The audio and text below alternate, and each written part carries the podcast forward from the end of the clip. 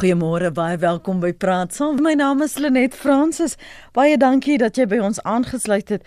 Waardeer jou geselskap. Nou die land waar jy openbare sittings oor die moontlike wysiging van artikel 25 van die Grondwet het gister in Springbok in die Noord-Kaap begin. Die sitting sal lede van die publieke geleentheid gee om kommentaar te lewer op die voorstel dat die Grondwet gewysig word om die onteiening van grond sonder vergoeding toe te laat.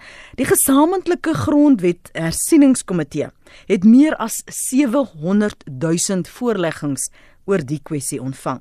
So vanoggend kyk ons na die rol wat drukgroepe en belangegroepe in ons demokrasie speel. My gaste vanoggend is Dirk Brandt, hy's by die Universiteit van Stellenbosch se skool vir publieke leierskap. Goeiemôre Dirk. Goeiemôre Lenet. En ons gesels ook met Roland Henwood, politieke ontleder verbonde aan die Universiteit van Pretoria. Welkom ook aan jou Roland. Goeiemôre net baie dankie. Roland, kom ons praat eh, sommer onmiddellik met jou. Die gesamentlike grondwet hersieningskomitee, meer as 700 000 voorleggings oor die enkele kwessie. Wat moet ons daarin lees? Ek dink ons kan 'n paar dinge daarin lees. Die eerste is dat hierdie 'n kwessie is wat geweldige belangstelling ontlok. Tweedens dat dit 'n kwessie is wat baie gevestigde belange insluit. En en dit is nie net formele belange byvoorbeeld van mense wat grond besit nie, maar ook belange van mense wat aan die ander kant staan wat grond wil besit of wat 'n uh, derde groepering mense wat op 'n emosionele of historiese rede betrokke is. Maar ek dink die kort en die lank hiervan is dis 'n saak van intense belang en dit gaan 'n groot klomp energie losmaak in die Suid-Afrikaanse politiek.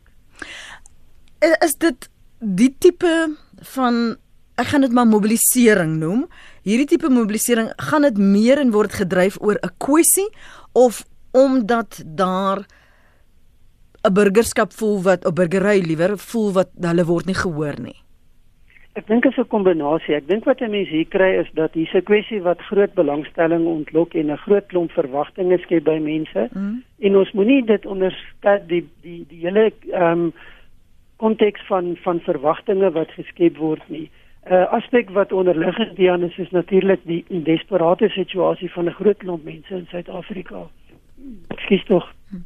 En die verwagting hier is dat hier's nou 'n moontlike uh, proses wat wat daai desperate omstandigheid en situasie dalk dramaties kan verander. En dan ook die kwessie van ons sit in 'n omstandigheid waar daar groot ontevredenheid, ongelukkigheid, vervreemding in ons politiek is en hier word nou 'n geleentheid geskep vir mense om met die regering te praat. En en as ons teruggaan in die geskiedenis, daar was of in die in die onlangse geskiedenis was daar ander geleenthede waar ook forums geskep is waar mense kon praat en iets wat opgeval het by van hierdie forums is dat mense het opgedaag en het 'n geleentheid gekry om oor 'n saak te praat, maar dan het hulle oor heeltemal ander goed begin praat. Mm. En die boodskap wat baie sterk uitgekom is was die regering is nie hier nie, die regering tree nie op in ons belang nie, die regering luister nie na ons nie. Nou mense sal moet sien of die kwessie oor grond, want dit is baie eng geformuleer, baie spesifiek geformuleer of hierdie besprekings wat regdeur die land plaasvind dieselfde patroon gaan herhaal en of dit baie streng gehou gaan word net by die kwessie van die grondwet. Dirk, die kwessie van van van drukgroepe en nou hierdie NGOs, um, ehm, nie regeringsorganisasies, belangegroepe wat ons sien. Dit is nie 'n nuwe verskynsel nie, maar wat wat skep die geboorte van so 'n drukgroep? Uh, ons het dit in die in die verlede gesien, um, voor 94 was daar enkeles, maar dit lyk asof dit bestaansreg oor dekades begine kry het. Uh ja, drukgroepe of belangegroepe dink ek ehm um, is 'n manier waarop mense in die burgerlike gemeenskap hulle self organiseer om 'n bepaalde kwessie te ondersteun of te bevorder en waar die kwessies van uh aktuele belang is, uh kry dit dalk meer prominensie veral as dit gaan oor individuele regte. Ehm um, dan sien mense dit meer prominent in die media ook en mense druk hulle ook op verskillende maniere uit. Ehm um, en ek dink na die vestiging van die demokrasie met die op die vestiging van menseregte en erkenning daarvan het dit die deur oopgemaak vir die ontwikkeling van meer sulke belangegroepe wat oor bepaalde uh menseregte kwessies gaan. Maar belangegroepe as sodanig is nie 'n nuwe verskynsel nie. Dit het ons al voor 94 gehad. Ehm um, dit was miskien op 'n ander wyse georganiseer en het dalk op ander maniere uitdrukking gegee aan aan mense se idees of se sentimente rondom 'n kwessie. Het dit 'n rakleeftyd as die kwessie nou opgelos word dan dan is ons ook nou klaar en ons gaan maar aan met ons lewens? Uh, dit hang seker af van die van die aard van die uh, kwessie en dit wat die mense bymekaar bring. Ehm um, 'n mens kon argumenteer dat 'n 'n boerevereniging of 'n plaaswerkersvereniging eintlik ook 'n tipe van 'n belangegroep is en uh, hulle gemeenskaplikheid gaan oor die die werksomgewing en die hulle verbintenis tot tot uh, die landbou. Ehm um, en ek kan nie indink dat hulle uh, bestaanreg sommer gaan verdwyn nie. Daar gaan altyd 'n belang wees solank as wat hulle betrokke is by die landbou. Maar daar mag ander kwessies wees wat 'n uh, bepaalde leeftyd het ehm um, as jy mens uh, dink aan 'n bepaalde belastingsaak miskien waar mense nou oor BTW se verhoging baie sterk voel en daar 'n klomp inisiatiewe geloods word of geargumenteer word oor verandering in die belastingbedeling en argumentalwe die die parlement uh, en die regering besluit dat dit die die vertoë is goed en dit word verander ehm um, uh, dan sou daai so 'n belangegroep dalk ehm um, op bestaan of iets anders kry om hulle belange dan verder te bevorder. Miskien op daai punt dan vra of daar 'n verskil is Roland tussen 'n drukgroep en 'n belangegroep. Wat is die verskil byvoorbeeld tussen tussen 'n section 27, 'n OUTA, 'n Save South Africa, 'n Black First Land First? Ek dink die die onderliggende beginsel is dat so 'n groep gewoonlik tot stand kom om 'n spesifieke belang of reeks van belange te bevorder of in beskerming te neem. Wanneer die idee is om regeringsbeleid te beïnvloed en in 'n bepaalde rigting te stuur, dan is ons geneig om in die omgangstaal te praat van 'n drukgroep. Maar in wese kan ons eintlik maar hierdie twee saamgroepeer. Dit is maar ehm um, groeperinge wat ontstaan ehm um, rondom gedeelde belange en behoeftes wat op 'n bepaalde manier moet realiseer.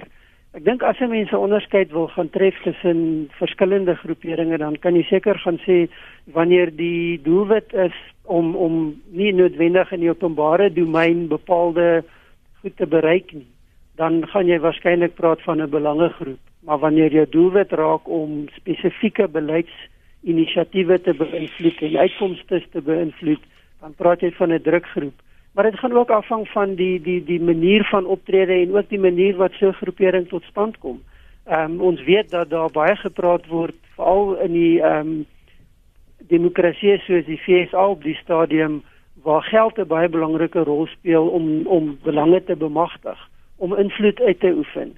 En dan begin 'n mens kyk na redelike negatiewe maar baie gefokusde optrede om spesifieke beleidsinisiatiewe of te ondermyn of in 'n bepaalde rigting te stuur.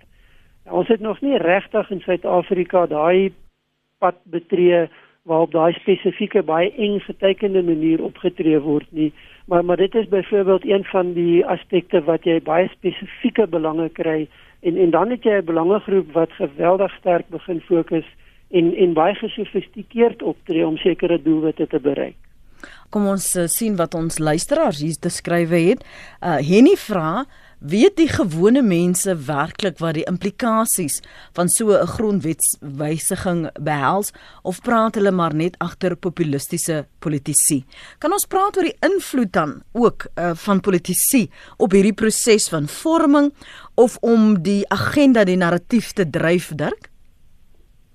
Ehm um, ja, politici dink ek is 'n sleutelposisie om eh uh, menings te beïnvloed. Ehm um, en en narratief eintlik op te beïnvloed van 'n bepaalde kwessie. Ehm um, as beleidsstandpunte ingeneem word uh, van 'n politieke party, veral as die party in regering is, dan is dit juis om die mening van mense ook uh, daardeur te beïnvloed. Ehm um, ek dink waar dit gaan oor belangegroepe in die gemeenskap en die verhouding met politici dan eh uh, aan die een kant moet politici seker kennis neem van die bestaan van belangegroepe en standpunte wat ingeneem word. Ehm um, want dit raak ook die standpunte van 'n bepaalde politieke party oor daardie kwessie en die geval wat jy genoem het nou oor grond byvoorbeeld.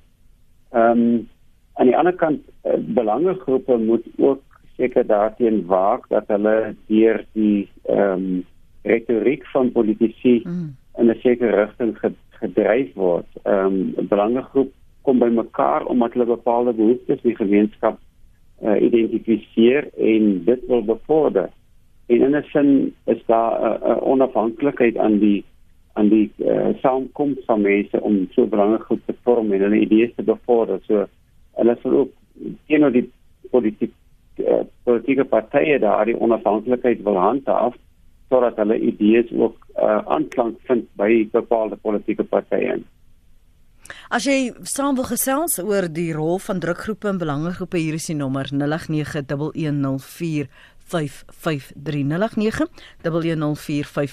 en Henny dankie vir daardie uh, e-pos van jou.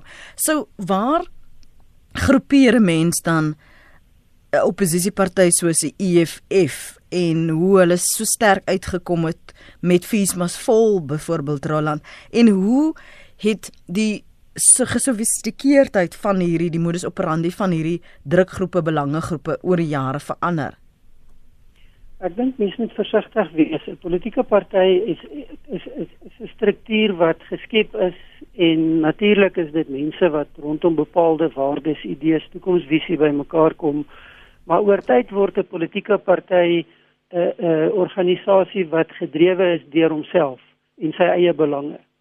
Ehm um, as ons gaan kyk na belangegroepe dan staan ons gewoonlik voor 'n uh, groepering wat rondom bepaalde belange en no normaalweg meer korttermyn ehm um, belange ontstaan en bepaalde doelwitte daaromheen ontwikkel. Nou nou korttermyn hier kan natuurlik baie lank wees. Ek meen ek ek koppel dit nou nie aan 'n spesifieke dag of datum of soveel maande of wat ook al nie.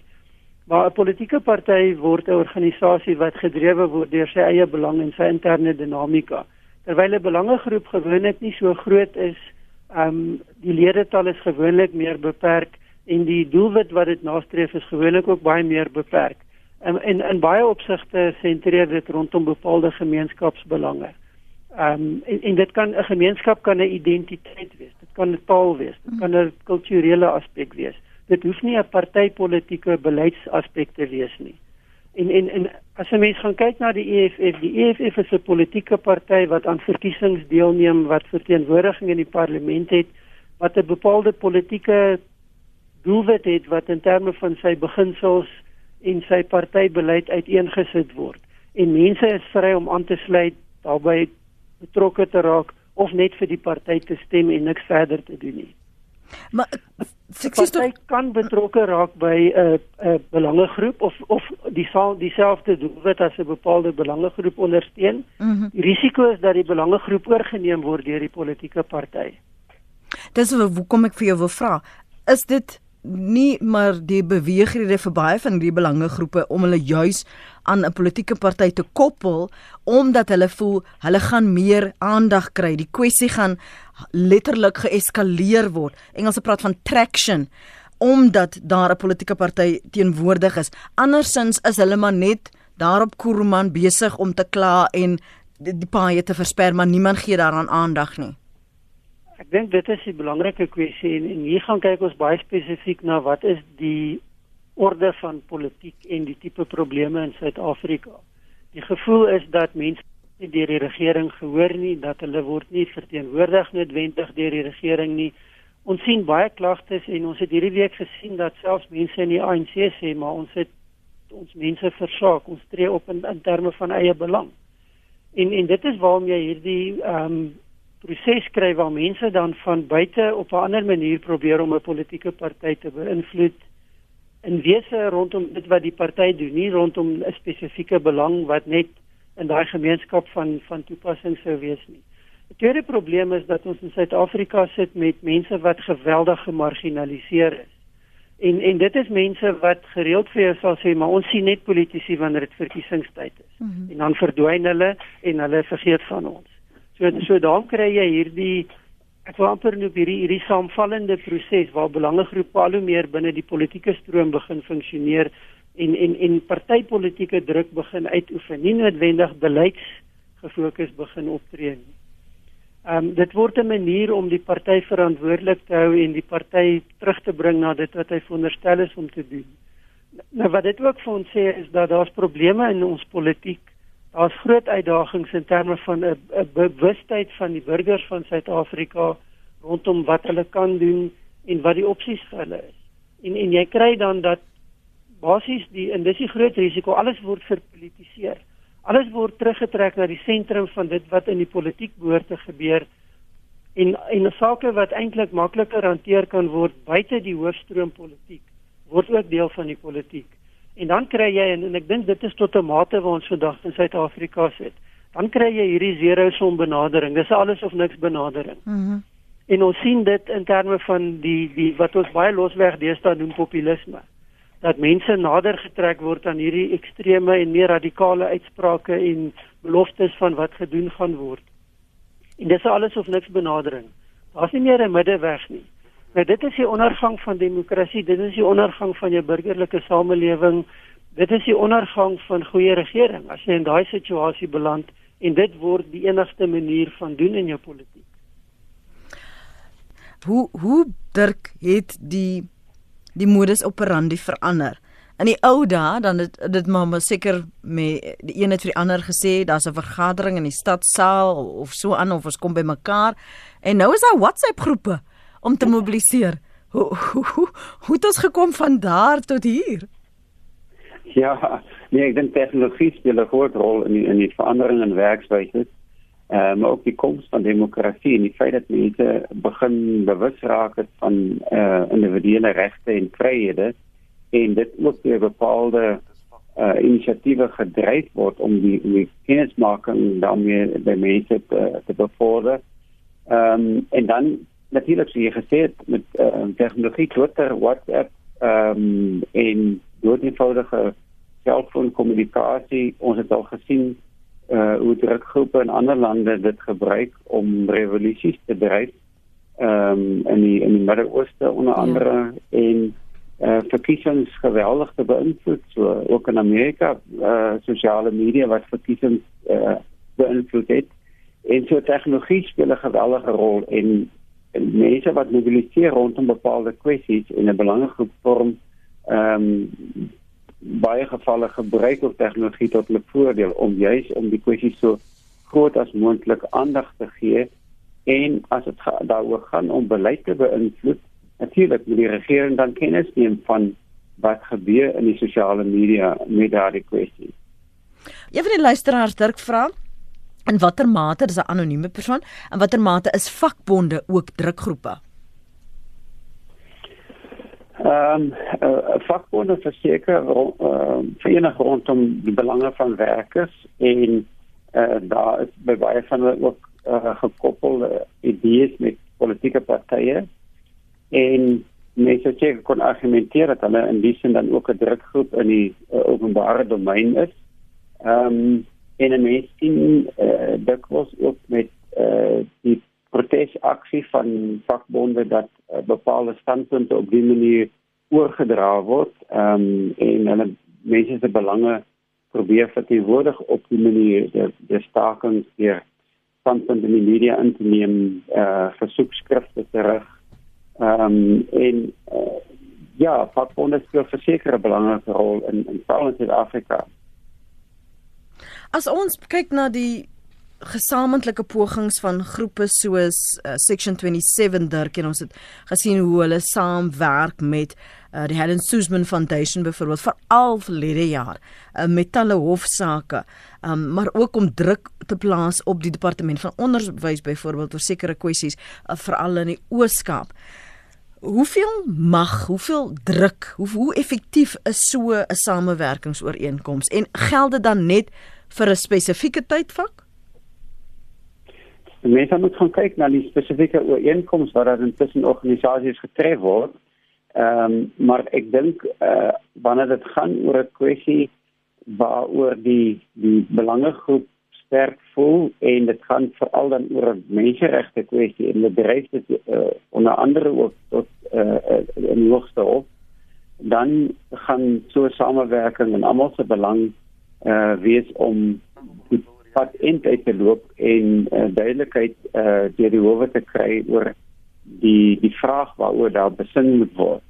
ehm um, as dit gaan oor reg tot ehm um, opvoeding of gesondheidstoegang uh, onthou ook die geval van die jare terug rondom uh, antiretrovirale medisyne wat 'n treatment action campaign so hard gedryf het en dit was 'n jarelange geveg geweest maar vir hulle was dit 'n uh, absolute beginselsaak om sekerheid te kry daaroor en so kan mense 'n klomp ander kwessies vat ook die die verbinding gaan so lank wees as wat dit nodig is om die standpunt weer te kry en sekerheid by die howe te kry daaroor of dan nou die beleid by die regering te verander. Hmm. Roland, is jy nog met ons?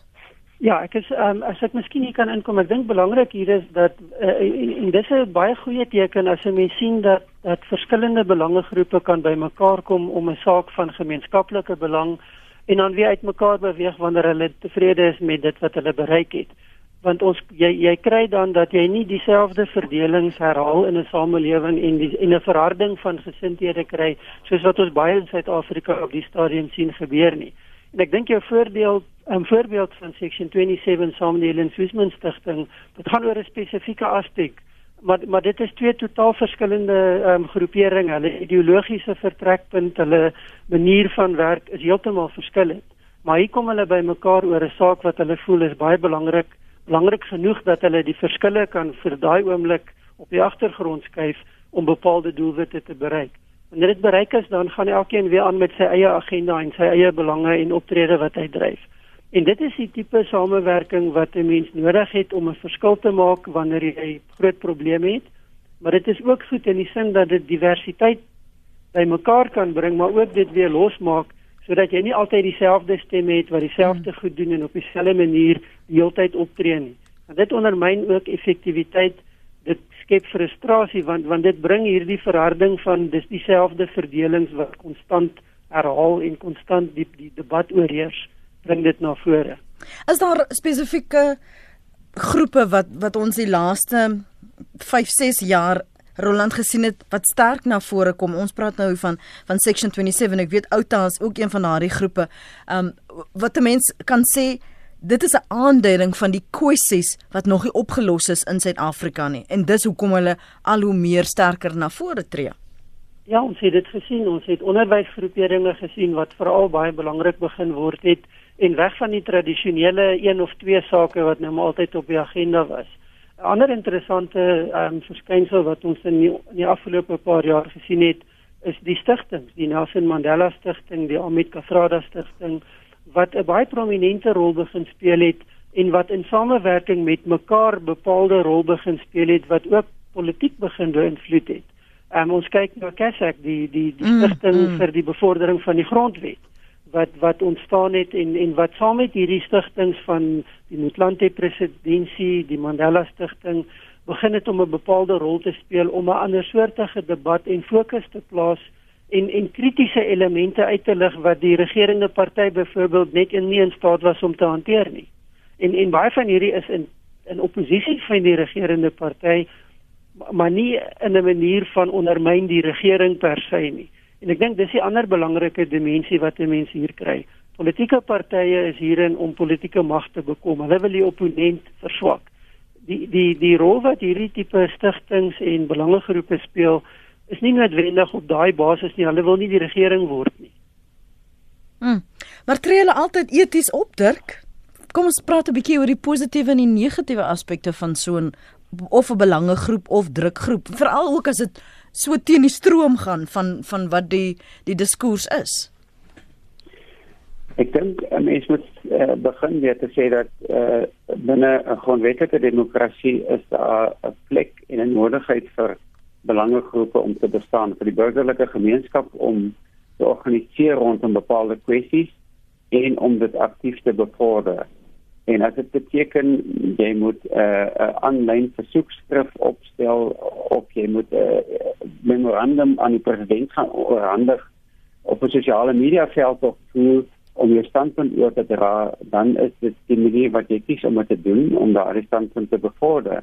Ehm um, en in alle gevalle elke drukgroep of belangegroep uh, moet binne die uh raamwerk van die grondwet optree en dit verwag etiese optrede. Ehm um, daar's verantwoordbaarheid wat vereis word ook van belangegroepe. En ehm um, ek dink enige optrede of dit nou politieke party is of belangegroepe moet gemeet word aan die eise wat die grondwet stel. Roland, watter soort mense raak betrokke by 'n belangegroep of 'n drukgroep? Want as ek hier na die SMS'e uh, kyk, dan is daar maar min van ons luisteraars wat betrokke raak. Ja, ek dink dit is een van die uitdagings wat 'n mens het, is natuurlik om om 'n balans te kry tussen betrokkenheid en weet eenvoudig net wegbly of by niks betrokke is nie. Dis 'n groot uitdaging in die wêreld. Die tipe mens wat betrokke gaan raak is een met 'n sin vir verantwoordelikheid, een met 'n sin vir gemeenskap of een wat baie sterk gedrewe is deur 'n bepaalde kwessie. Hmm. Of dit nou 'n historiese kwessie is of dit 'n toekomstige um, kwessie is, um, die uitkoms van onderwys op die langtermyn, dit is alles goed wat mense kan mobiliseer om betrokke te raak die die die groot ding is dis baie maklik om nie betrokke te wees vir meeste mense nie.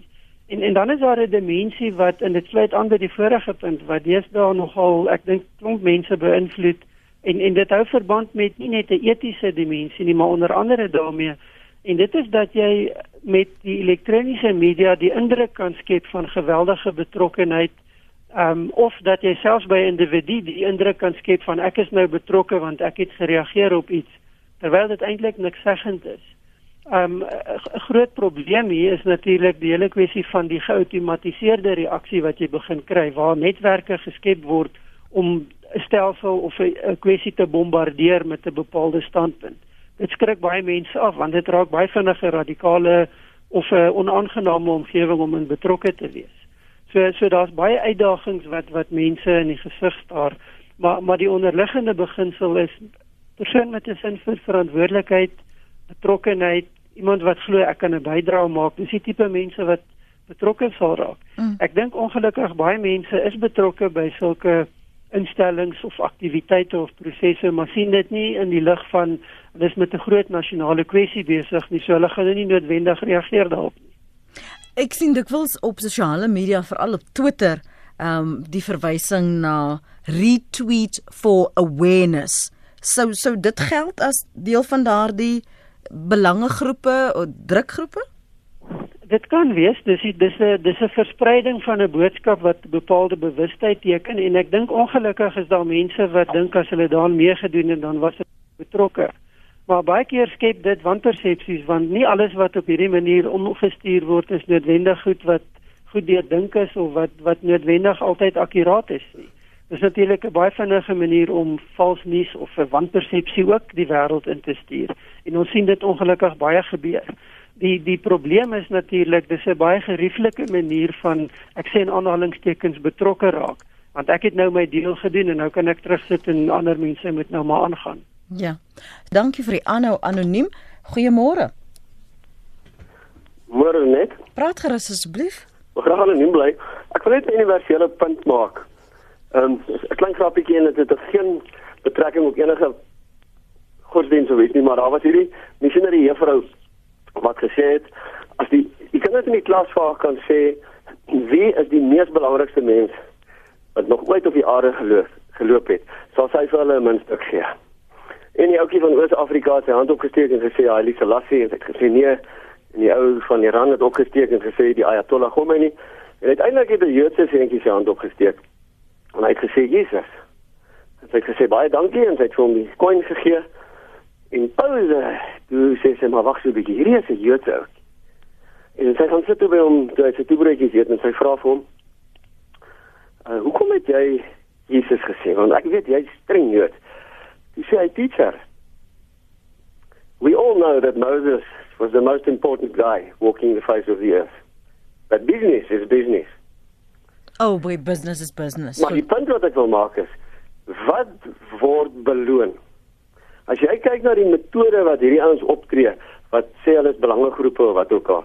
Hulle sê hoe harder ek skree, hoe meer goed ek afbrand, dan luister die government na my. En dit is wat beloon word. So ek ek wil net graag vra vir vir jou paneel. Ehm um, is dit so?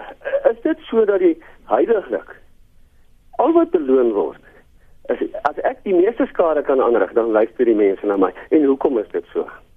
Baie dankie. Dankie anoniem. Dirk, kom ons gee jou kans. Ja, ek dink mense moet onderskei tussen eh uh, belangegroepe uh, wat bepaalde kwessies dryf en bevorder en beleid probeer beïnvloed en dan protesaksie wat in die gemeenskap uh, plaasvind. Ehm um, waarby belangegroepe ook betrokke kan wees.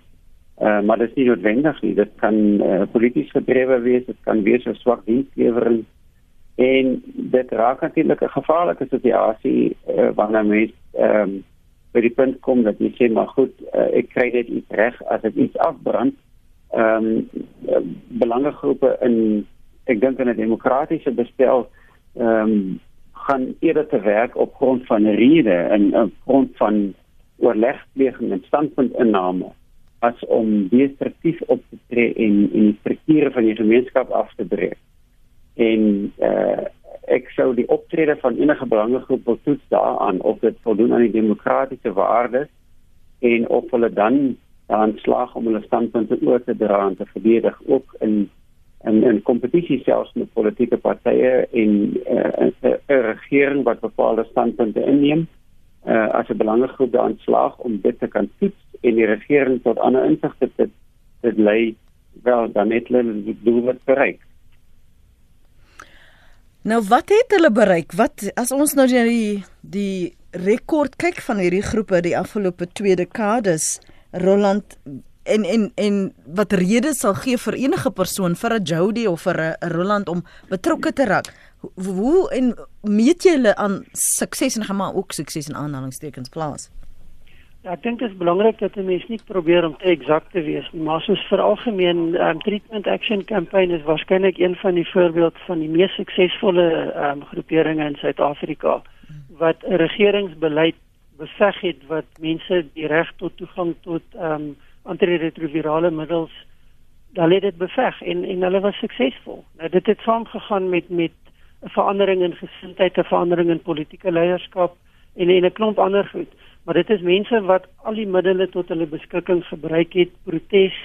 Um, hulle was nooit gewelddadig nie, maar protes, die regbank en direkte invloed in die politiek gebruik het sover as wat hulle kan om hulle doelwitte te bereik ons sien dat dat dat section 27 wat jy net nou genoem het is ook 'n voorbeeld van wat teen geweldige koste en met geweldige opoffering 'n stryd aangepak het rondom onderwys en hulle het 'n klomp suksesse bereik in die proses.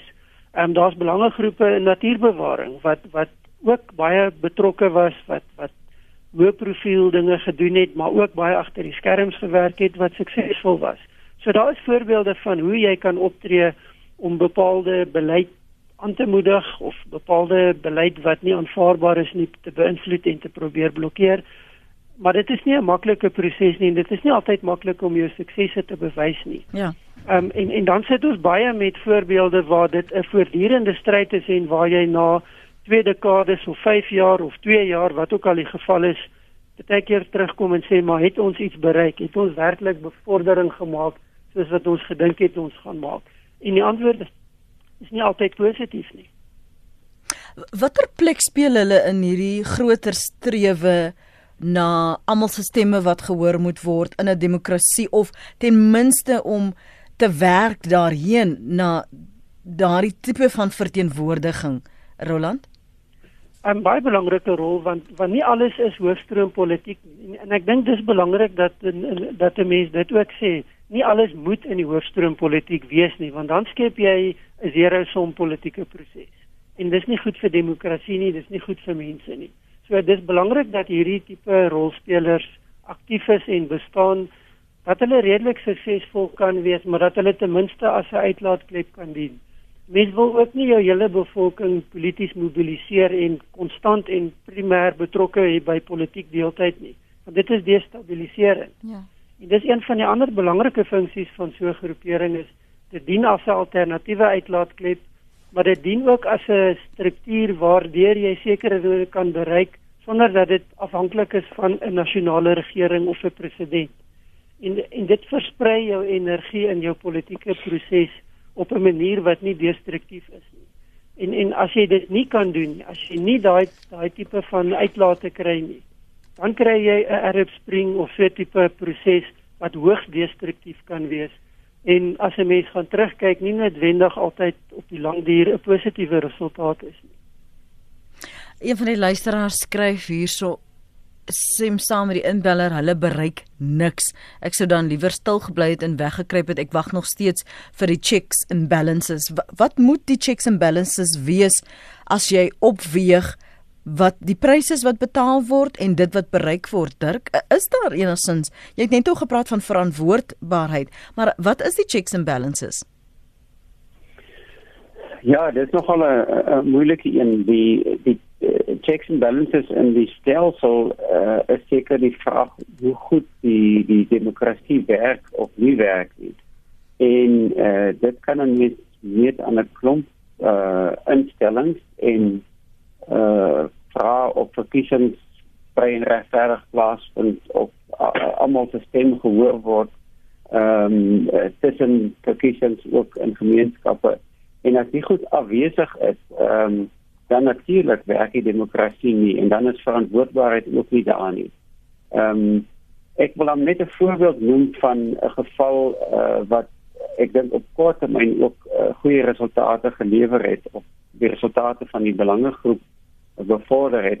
Almal ken die die krisis met water in die Kaap en uh, in die tyd wat die krisis plaasgevind het, het die staatsraad met 'n nuwe inisiatief begin om uh, nuwe watertariewe vas te stel en van die voorstelle was taamlik 'n dramatiese verhoging en daar het 'n inisiatief vir die burgerlike gemeenskap ontstaan om te sê maar dit is onaanvaarbaar. Dit moet binne redelike perke wees. En eh uh, bewyse van 'n aanlyn ehm um, veldtog is dit gevoer en ek dink meer as 50000 ehm um, stemme uit die gemeenskap is gekry en die vertoë is aan die stadsraad gerig en die staatsraad het tot ander besluit gekom en die watertariewe aansienlik laer ehm um, die aanpassings op minder verhogings dan gebring wat meer aanvaarbaarheid in die gemeenskap gebring het. So 'n mens moet na elke kwessie gaan kyk en dan gaan kyk hoe is dit eh uh, gedoen in die gemeenskap? Watter doelwitte is gestel en wat is bereik of nie bereik nie of dit nou korttermyn of langtermyn is. Mm. Een van die luisteraars verwys na daardie voorbeeld wat jy sopas ook genoem het baie betrokke by Stop COCT City of Cape Town op Facebook. Duisende stemme het so die watertariewe verminder, maar ook foutiewe watermeters wat aanloop as gevolg van drukfluktuasie. Dis van die probleme wat daarin deur belig is. En dan wil SP weet, die sosiale media ongeveer 10% van ons is ook 'n soort belangegroep of opinie uh gewers. Eh, stem stem jy saam daarmee Roland? Ja, ek dink mense moet versigtig wees. Ehm um, dit is deesdae baie maklik vir 'n veelheid van mense. Almal het 'n opinie en baie meer mense kan hulle opinie gee as wat in die verlede moontlik was. En dit is goed. Ehm um, mense moet wegbeweeg van jou tradisionele hantering dat alles moet van bo af kom en daar's een of twee leiers wat voorloop en vir alles en almal sê wat hulle moet doen die die probleem is dat individuele opinies alhoewel dit gelykwaardig is wat net eenvoudig versprei word gaan nie noodwendig 'n verskil maak. En dit is waar die logika van belangegroepe inkom waar jy hierdie belange begin bymekaar trek. Ek dink en en dit is miskien deel van ook baie van die voorbeelde wat ek vanoggend genoem het is goed wat groot is is op 'n nasionale vlak gedryf soos oor onderwys Maar jou voordele en jou voorbeelde van suksesvolle optrede is natuurlik daar's 'n veelheid van hulle op plaaslike vlak. As ons gaan kyk na mense wat op 'n munisipale vlak of binne 'n gemeenskapsvlak bepaalde probleme hanteer en met on, met oplossings voor in dag kom wat nie op 'n ander manier moontlik sou wees nie. Hmm. En en daar's 'n hele klomp sulke voorbeelde wat wat bestaan. Die die groot ding is dit gaan oor aktiewe betrokkenheid. Dit gaan oor mense wat genoegsaam hulle self voel oor 'n saak om iets daaraan te begin doen. Ehm um, dis baie maklik om terug te sit en te sê niemand bereik iets nie. Ek sou eerder stil gebly het en verdwyn het. Ek dink dit is juis omdat dit die gesindheid van baie mense is dat daar so gesukkel word om basiese goed te hanteer. Ons kan nie bekostig om heeltyd te wag vir 'n nasionale leier en die president en die regering om alles te doen nie. Dit is net nie moontlik nie en dis ook nie in hulle belang om dit te doen nie. Dit moet ons ook vir mekaar sê. Hoe het die regering tot dusver hierdie terugstoot hanteer veral wanneer daar hofuitsprake was, Roland? Um, dit gaan afhang. Daar's fases in ons geskiedenis na 94 waar ons gesien het dat dit positief hanteer word waar jou jou jou belangegroepe, jou burgerlike samelewing nader getrek is En dan is ons deur 'n fase waar hulle gekoopteer is en toe is 'n klomp van hulle weggestoot en gemarginaliseer. Daar's groot verdagmakery gewees en elemente daarvan gaan nog voort. Ehm um, dit lyk asof ons nou in 'n tussenfase is waarvan hierdie ehm um, organisasies val op nasionale vlak bietjie meer prominent is. Die indruk word geskep dat meer na hulle geluister word. Ons sal moet sien of dit so gaan wees. Ehm um, dit word baie streng bepaal deur die belange van die regerende party en sy leierskap en hoe hulle 'n bepaalde situasie beskou en daarom ook dat jy nie jou jou vordering as 'n belangegroep kan koppel aan 'n regerende leier of 'n party nie. Dan dan word jy maar net 'n meeloper. Hmm. Jou slotgedagtes vir vanoggend dirk? Ek dink om 'n grondwetlike demokrasie te laat slaag, vra dit verantwoordelike uh burgerskap, ehm um, wat ook beteken dat jy vry moet wees om jou by belangegroepe skaar dat belangegroepe hulle self kan in, uh, organiseer en bepaalde standpunte kan inneem en so ook die politiek van die dag te kan beïnvloed. Baie dankie vir julle gesprek vanoggend. Dirk Brandt is by die Universiteit van Stellenbosch se skool vir publieke leierskap en Roland Henwood, politieke ontleder verbonde aan die Universiteit van Pretoria.